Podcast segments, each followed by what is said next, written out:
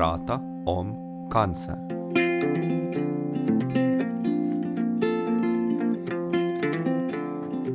Rökning kostar samhället 1,5 miljarder euro om året. D-vitamin ger ökad canceröverlevnad. Cellgifter dödar patienter. Kaffe kan orsaka cancer. Kaffe minskar risken för cancer.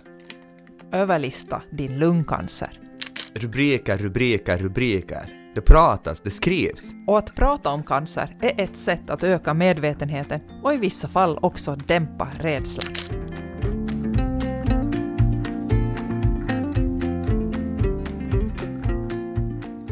Cancer är en folksjukdom som påverkar vår hälsa och våra liv på många plan, men också vårt samhälle.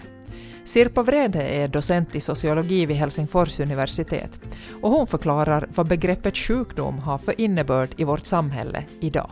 Hälsosociologin har, har talat om tre olika dimensioner och det, eftersom diskussionen härstammar från eh, England så är det med engelska språket som man har skilt åt tre olika dimensioner.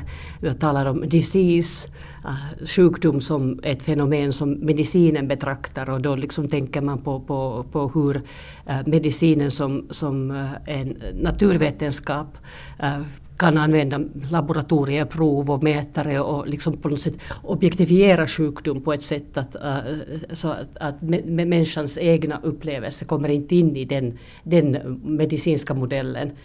Och sen talar man om, om illness, sjukdom som levd äh, upplevelse som psykologi ofta har då fokuserat på. Medan det där eh, sociologer i England hade talat om sickness, eh, någonting som, eh, eh som ett sociologiskt fenomen, fenomen, hur människor möts av samhället, av andra människor då de blir sjuka, vad det innebär för dina sociala roller att, att, att vara sjuk. Sjukdom har många olika dimensioner. Och det där ofta i hälsovårdens kontext så traditionellt tänker man sig att det är den här disease-sidan, eh, äh, alltså den medicinska aspekten av sjukdom som blir det där äh, sedda och skötta medan de här andra dimensionerna, illness och, och sickness, nödvändigtvis inte inte då, man diskuterar inte vad händer med dina sociala eh, roller eller hur upplever du. Medan psykologin kanske har då mera eh, lyckats med det här att hämta in den här upplevelsen in i också hälsovårdens kontext. Så, så den här sociala konsekvenserna är kanske de som i den här officiella kontexten eh, blir mest åsidosatta. Där finns inte eh, liksom en expertis, det finns ingen personal med en bakgrund i samhällsvetenskaper som skulle kunna liksom på något sätt ta, ta fram de aspekterna. Och jag säger inte heller att de nödvändigtvis behöver ha det, men att de eh, så sådär allmänt i samhället så skulle man kanske liksom eh, kunna, kunna det där utveckla synen på sjukdom genom att även beakta att det här ändrar på människors liv också i så, äh, sån här socialt avseende.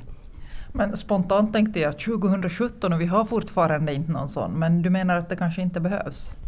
Då, jag menar, äh, menar, att det kanske inte behövs någon speciell yrkesmänniska som sysslar med, med, med det där, den saken, men att, men att det där, jag tror att, att alla som jobbar inom vården kunde ut, utbildas så att de även kan beakta den här sidan av sjukdomen.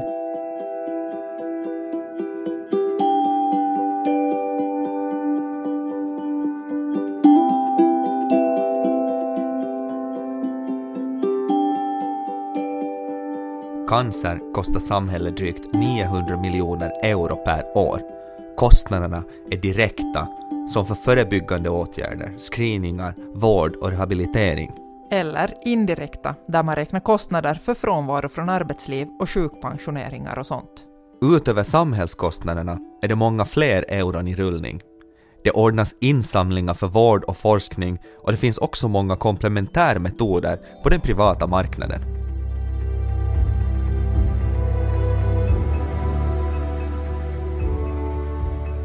I Finland får vi cancervård oberoende om vi är rika eller fattiga. Hälso och sjukvårdslagens syfte är bland annat att sörja för lika tillgång, kvalitet och patientsäkerhet när det gäller den service som befolkningen behöver. Det kan råda delade meningar om hur det här uppfylls, men ur ett globalt perspektiv är Finland i topp då det gäller cancervård. Hannu Halila är vice verksamhetsledare på Läkarförbundet. No, internationellt Finland står rätt så bra i, i de här siffrorna. Att, att resultaten av cancervården är liksom på toppnivå i, i världen och, och, speciellt i Skandinavien också. Hur kommer det sig att vi är så långt framme här? No, vi, vi har ganska bra hälsovård överhuvudtaget och sen, sen alla de här Eh, screeningprogram så att, att man, man får cancer lite tidigare som kanske i, i några andra, andra länder. Och, och sen också det att, att Finland har varit ganska bra i, i cancerforskning så att vi har mycket vetenskaplig forskning och det är ganska snabbt som det kommer att, att hjälpa patienter sen, sen också i vården. Hälso och sjukvårdslagens syfte är ju bland annat att sörja för, för lika tillgång till och kvalitet och patientsäkerhet mm. när, det, när det gäller den vård befolkningen behöver. Tycker du att vi i Finland klarar av det här? När det gäller cancervård tror jag att det inte är så stora skillnader. Och det, det som är också bra i det här nu reformen är att, att man ska ha lite större enheter där man ja, gör, gör det här cancerbehandling så att, att eh, det kvaliteten blir bättre på det sättet. Alla skulle ha samma möjligheter till, till vård och, och, och inga köer och, och, och eh, samma, sam, kvaliteten skulle vara samma i, i, i, hela landet men, men det är det idealvärld så att jag tror att, att inget, ingen land, ingen land i, i världen har sån här situation att, att det finns alltid skillnader i vården. Drabbas vi av cancer kan vi räkna med stöd från samhället. Folkpensionsanstalten betalar ersättning för vård och resekostnader och också för inkomstbortfall. Kommunen ordnar hjälp i hemmet och sjukhusens socialarbetare hjälper till med information om vilka rättigheter vi har då vi insjuknat. Ändå söker en del sig till privat sjukvård. Snabbare vård och möjligheten att få gå till en viss expert är orsaker som ofta nämns. Tom Wiklund på det privata cancersjukhuset Dokrates utvecklar. Det som, eh, som, som vi kan erbjuda är att eh, vi ger en individuell behandling och eh, individuella behandlingsförslag och planer. Vi ger kontinuitet i behandlingsförhållandena så att patienterna har samma läkare och samma sköterskor, vilket är väldigt viktigt när man har en kronisk sjukdom. Och sen så Eh, erbjuder vi snabbhet så att eh, patienten får kontakt och får en tid väldigt snabbt. I princip så kan vi erbjuda, eh, då när patienten så önskar, så erbjuder vi en först, ett första besök hos en onkolog inom en eller två dagar. I många fall är det så att det är bättre ju snabbare man får sin behandling. I vissa fall så, så har en, en väntetid på några veckor eh, inte så stor betydelse. Men det svåra är att veta det före man behandlar. Så därför så upplever vi att det är vår skyldighet att, eh, att erbjuda behandlingen fort. Tom Wiklund pratar om cancerbehandlingens fördelar inom privatvården. Och visst, snabbhet är viktigt. Men enligt Heidi Bengts på canceravdelningen vid Vasa centralsjukhus behöver man inom den offentliga vården inte trycka på panikknappen. Det, det är klart att det, det, är bra att det finns komplement, men så där helt ur vårdens synvinkel så tycker jag nog att patienterna kan känna sig trygga med att de får bästa möjliga vård på, på offentliga sidan inom cancervården. Det är nog ett, ett värdefullt komplement för patienter att för det första ha, ha en möjlighet till diskussion om behandlingsalternativen, att få en så, en så kallad second opinion som, som då äh, kommer så att säga utifrån det egna sjukhuset, äh, som på det viset kan upplevas av patienten som mera neutral. Och, eh, och, och sen att, att ge patienter som själva är beredda att uh, stå för sina behandlingskostnader uh, också möjlighet till, till olika alternativ, sådana alternativ som man kanske inte kan erbjuda på det egna sjukhuset. Men kan det finnas några etiska utmaningar i att, att bedriva cancervård i ett vinstdrivande företag? Jag skulle säga så att eh, när man tänker på den enskilda läkaren som möter den enskilda patienten så har ju nog läkaren alltid i första rum eh, patientens välbefinnande i åtanke.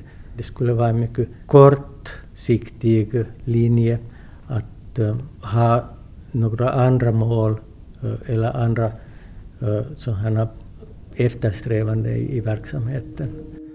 Tom Wiklund på Finlands enda privata cancersjukhus. På Läkarförbundet vill man inte heller överdriva de etiska utmaningar som vård i ett vinstdrivande företag kan innebära. Vice verkställande direktör Hannu Halila. Överhuvudtaget inget problem med det att, att uh, det finns liksom uh, marknadsföring i, i hälsovården.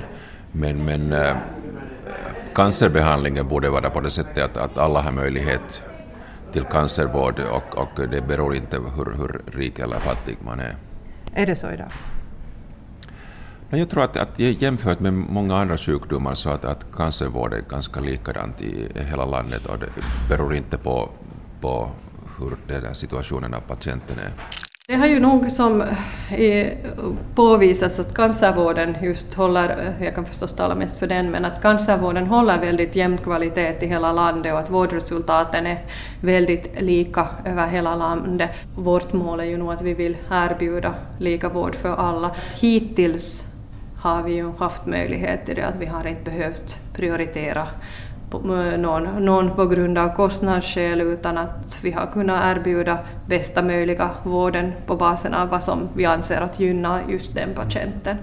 Cancerläkaren Heidi Bengts. Hannu Hallila vid Läkarförbundet konstaterar att framtiden förstås innehåller utmaningar. Det finns i många andra sjukdomar också, men, men speciellt i cancervård, sån här konflikt mellan det, det som läkarna kan göra och sen där, där det finns resurser att, att göra det kommer hela tiden nya möjligheter, nya äh, metoder att, att bota cancer, men, men problemet är att, att hur länge räcker pengarna till? Hur tacklar man det som läkare då, när man vet att här skulle finnas saker att göra men det finns då inte pengar till medicin eller tid till behandlingar? Ja, det, det är någonting som, som läkarna måste göra liksom varje dag i, i vanligt liv, men, men man borde ha lite, också lite mera sån här politisk diskussion om, om det här prioritering priorisering överhuvudtaget i hälsovården. Det där blir, blir större problem i framtiden att, att mellan vad man kan göra och hur, hur mycket pengar man har till, till sjukvården.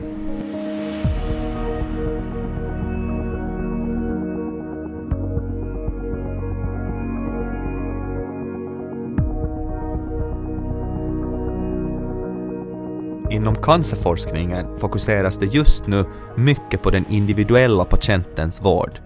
Och just att cancervården ska bli mer specifik utgående från vad varje enskild patient behöver. I allt från grundforskning till immunterapi försöker man lösa summan av de fel som uppstår då cancer slår rot i en människa, berättar professorn i cell och molekylärbiologi vid Åbo Akademi, Lea Sistonen. Forskare har varit nära många gånger och är nära fortfarande att lösa vissa gåtor. Och man kan upptäcka de här cancerformerna mycket tidigare, vilket, vilket är förstås äh, väldigt bra för, för patientens skull. Sen samtidigt, varje gång nästan, verkar det så att, att man hittar nya uh, rön. Uh, man, man tänker att hej, nu här har vi det. Vi kan döda de här cellerna i kultur, vi kan döda dem i modellorganismer, i möss. Mm. Uh, i, I forskning kan, kan man, ha, man har gjort det många gånger och det är ju det som rapporteras alltid i media, att hej, här finns det.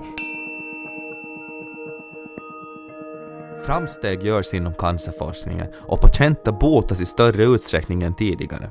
Statistiken visar dock att allt fler kommer att drabbas av cancer. Prognosen för år 2025 är 40 000 cancerfall. Det är jämfört med dagens cirka 30 000. Vi måste bli bättre på att hantera cancer. Frågan är, satsar samhället tillräckligt på cancerforskning? Lea Sistonen vid Åbo Akademi. Det här är det här stora problemet just i Finland till exempel, i dagens Finland, att vi, vi, vi har väldigt duktiga forskare här och fina innovativa idéer. Men den här forskningen är mycket dyr och eh, det, det, resurserna är just nu, vi släpar efter. Till exempel om vi tittar på andra nordiska länder så, så det här är ett väldigt allvarligt problem.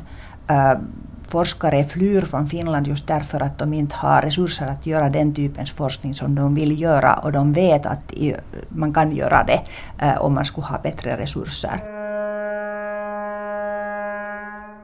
En av de som flyttat är Päivi Östling som ingår i ett forskarteam som sysslar med precisionsmedicin kring leukemi. No, det är ju överlag forskningen och grundforskningen och inställningen till forskningen som är alldeles enligt mig fruktansvärd. Um, det påverkar. Man vill inte höra kommentarer som Kaiken Maailman docentit och, och, och liksom attityden och, och jag är också förvånad över förändringen som skedde så hastigt Eh, efter regeringsbyte. Det hade jag inte liksom förväntat mig. Och det är väldigt skönt att komma till Sverige där det finns um, samordnare för högre forskning, där regeringen uttalat säger att, att vi satsar på forskning. De har långtgående planer på hur Sverige ska klara sig um, bra i forskning och jag ser ju nog uh, eh, liksom den enorma potential som finns, finns här och hur det satsas på det. Och, och det är härligt. Och det är någonting som Finland borde ta efter. Eh, vi har vårt forskningsteam ännu kvar i Helsingfors. Vi är 20 personer där och hela teamet som har sysslat med den här precisionsmedicin kring leukemi finns ännu på FIM. Så de har ju inte flyttat någonstans. Men um, vi blev rekryterade till Science for Life Laboratory där min chef Olli Kallion är meddirektör och håller nu på att utöka vår plattform och den här testningen även hit till Sverige.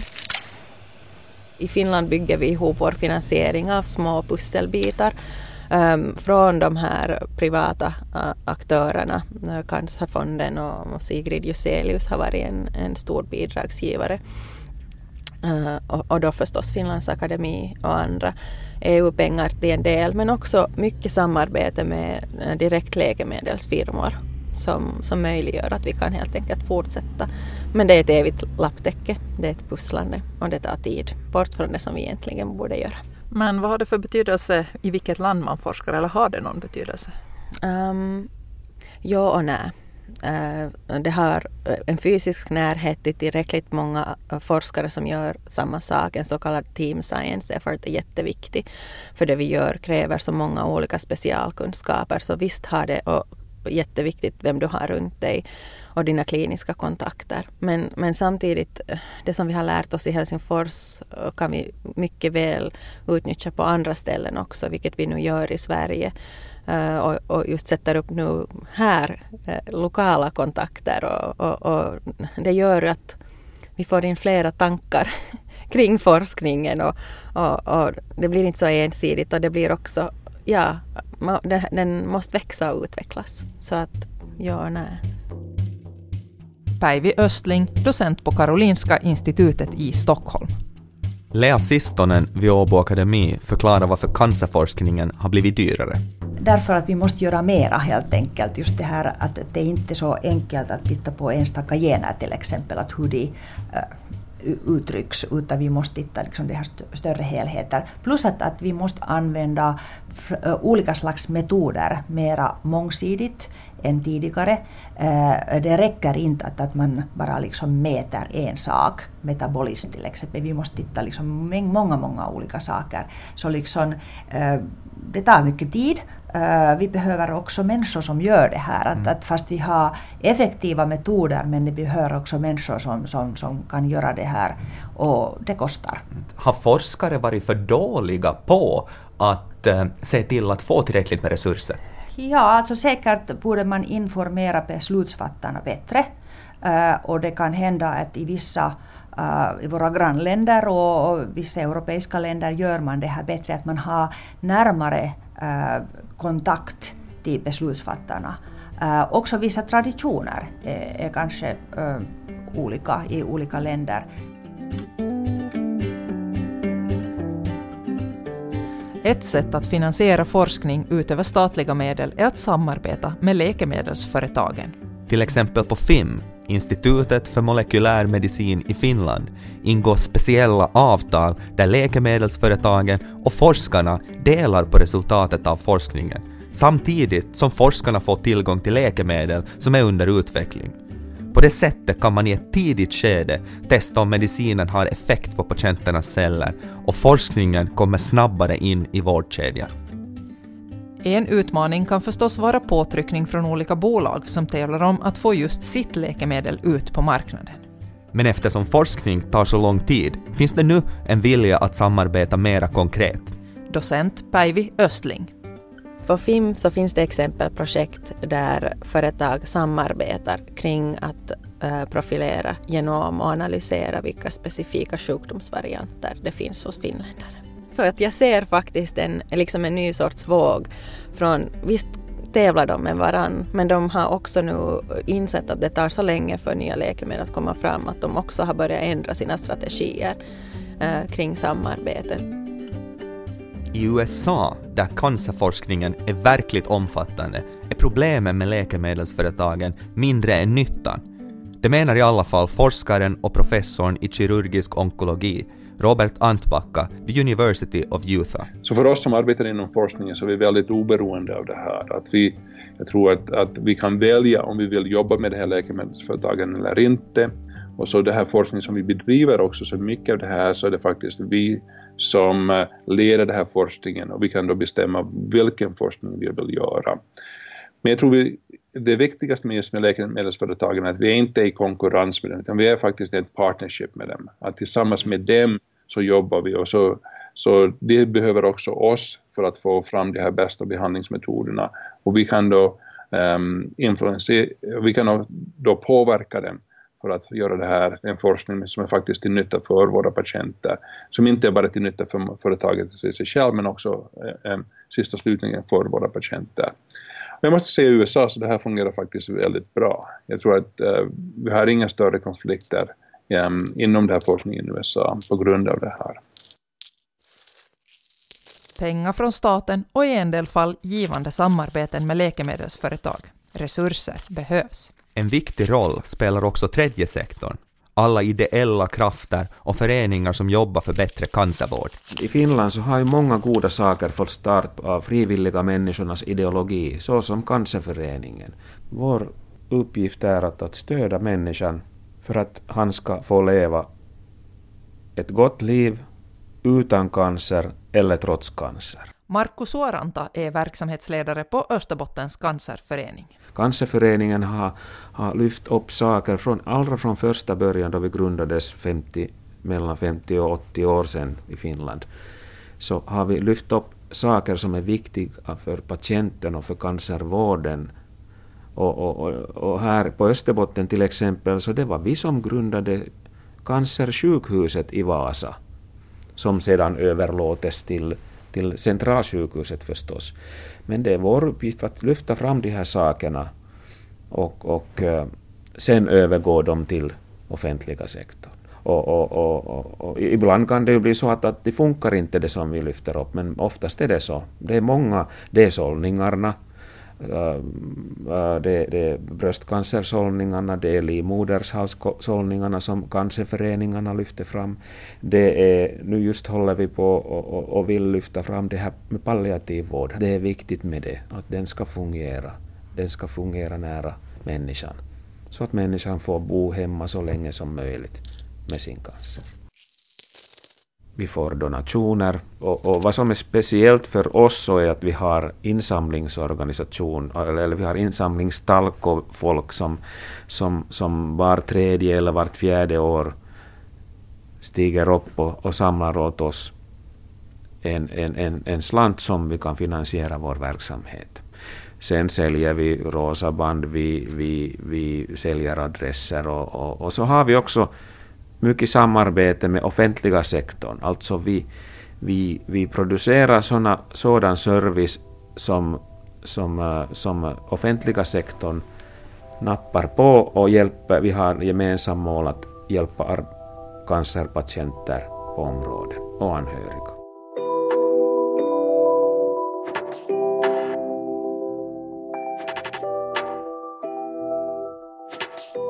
Cancer är en sjukdom som engagerar.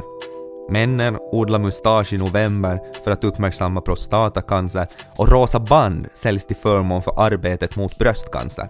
År 2016 slog Rosa bandet-kampanjen åter nytt rekord. 1,8 miljoner euro samlades in. Docenten i hälsosociologi, Sirpa Vrede, förklarar varför just cancer engagerar.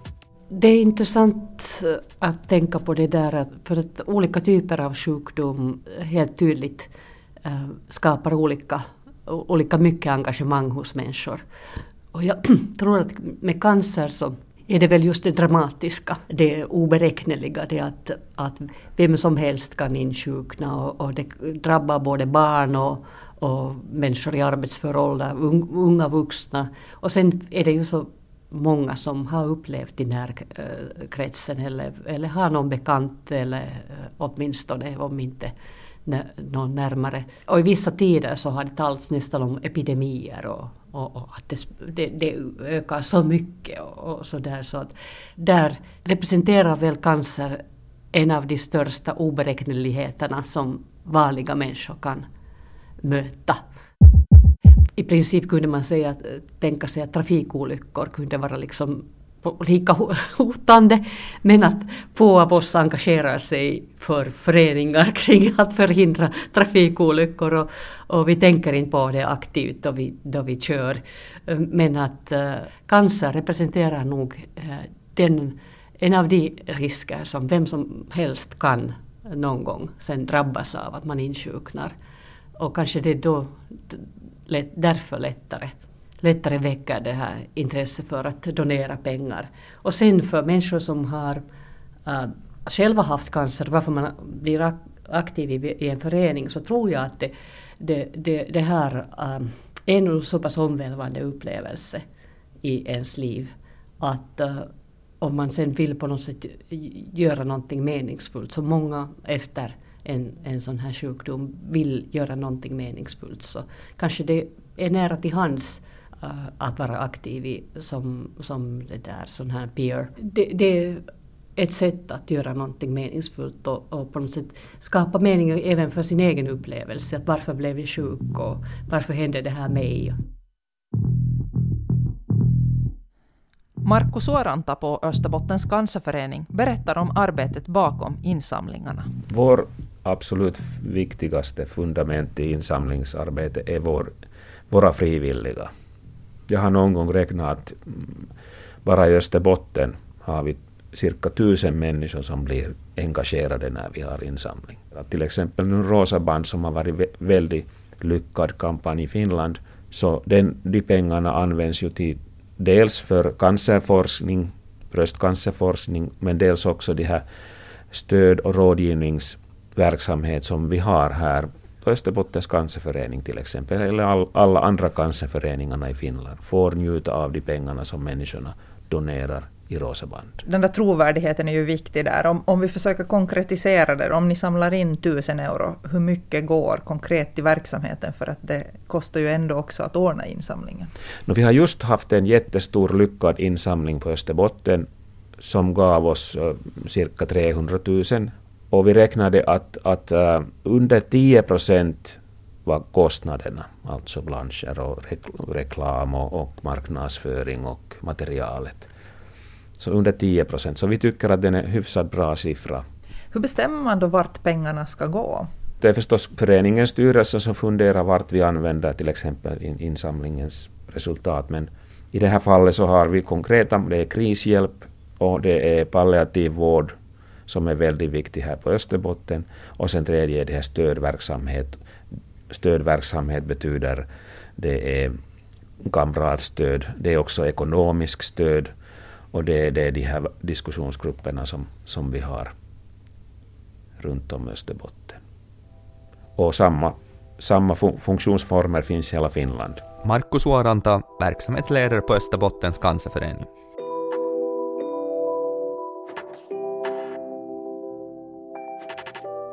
Insamlingsmedel för cancer går också till forskning. Även om det hittats många nya behandlingsformer är intresset för att stödja cancerforskningen fortsättningsvis stort. Docenten i hälsosociologi, Sirpa Frede. Hittills så tycker jag att det verkar vara så att att, um, att det där, den här att det är på något sätt att den medicinska vetenskapen har visat att den kan hitta lösningar och, och, och det där att, att det på något sätt hittills har, har, har fungerat som sånt som, som på något sätt får, förstärker människors tro i de här äh, insamlingarna och, och i vikten av att finansiera forskning. Det som jag tycker att det är delvis problematiskt är, är just att, att det där att det är den mediala uppmärksamheten som, som, som på något sätt sen kommer att, eh, att eh, styra forskningsfinansiering till vissa former av, av cancerbehandlingar. Medan sen finns det andra, andra det där cancerformer som, som kanske inte inte har fått samma uppmärksamhet där behandlingarna går långsammare framåt.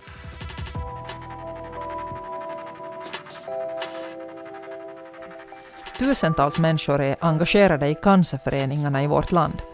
Två av dessa är systrarna Lillemor Lerbacka och Britt-Marie Salberg som är aktiva i Karlebynejdens cancerförening. Jag tycker om att jobba med, med det här i, den här i den här klubben för vi har ju haft ett mål att vi, vi samlar in pengar till vår palliativskötare. Och, det, det, tycker jag har varit väldigt viktigt. Det har varit konserter och det har varit, varit andra jippon som vi har haft och, och vi får ju mycket donationer. Det är ju en sak som berör oss och när det är någonting som är lokalt så berör det ännu mera. Och jag tror det finns nog inte en person i Karlemyrdenen som inte har någon släkting eller någon vän eller någon nära som har drabbats av cancer.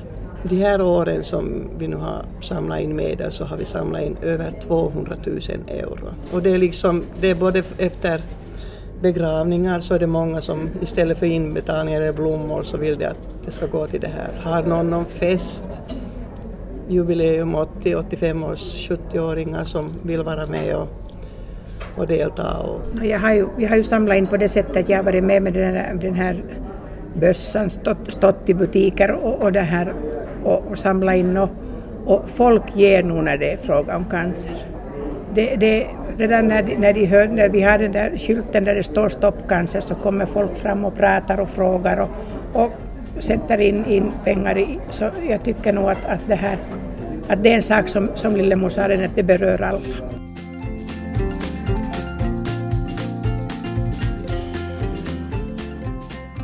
Ideellt engagemang samtalsgrupper och stora offentliga insamlingar. Rubriker på löpsedlar och inslag på TV-nyheterna. Cancer är synligt inte bara på röntgenplåtar, i vävnadsprov eller ultraljud. Cancer finns i vår vardag. Hur ser du på sjukdomen? Prata om cancer är producerat av SUS Productions för svenska YLE. Redaktörer är Susanne Skatta och Tommy Wallin.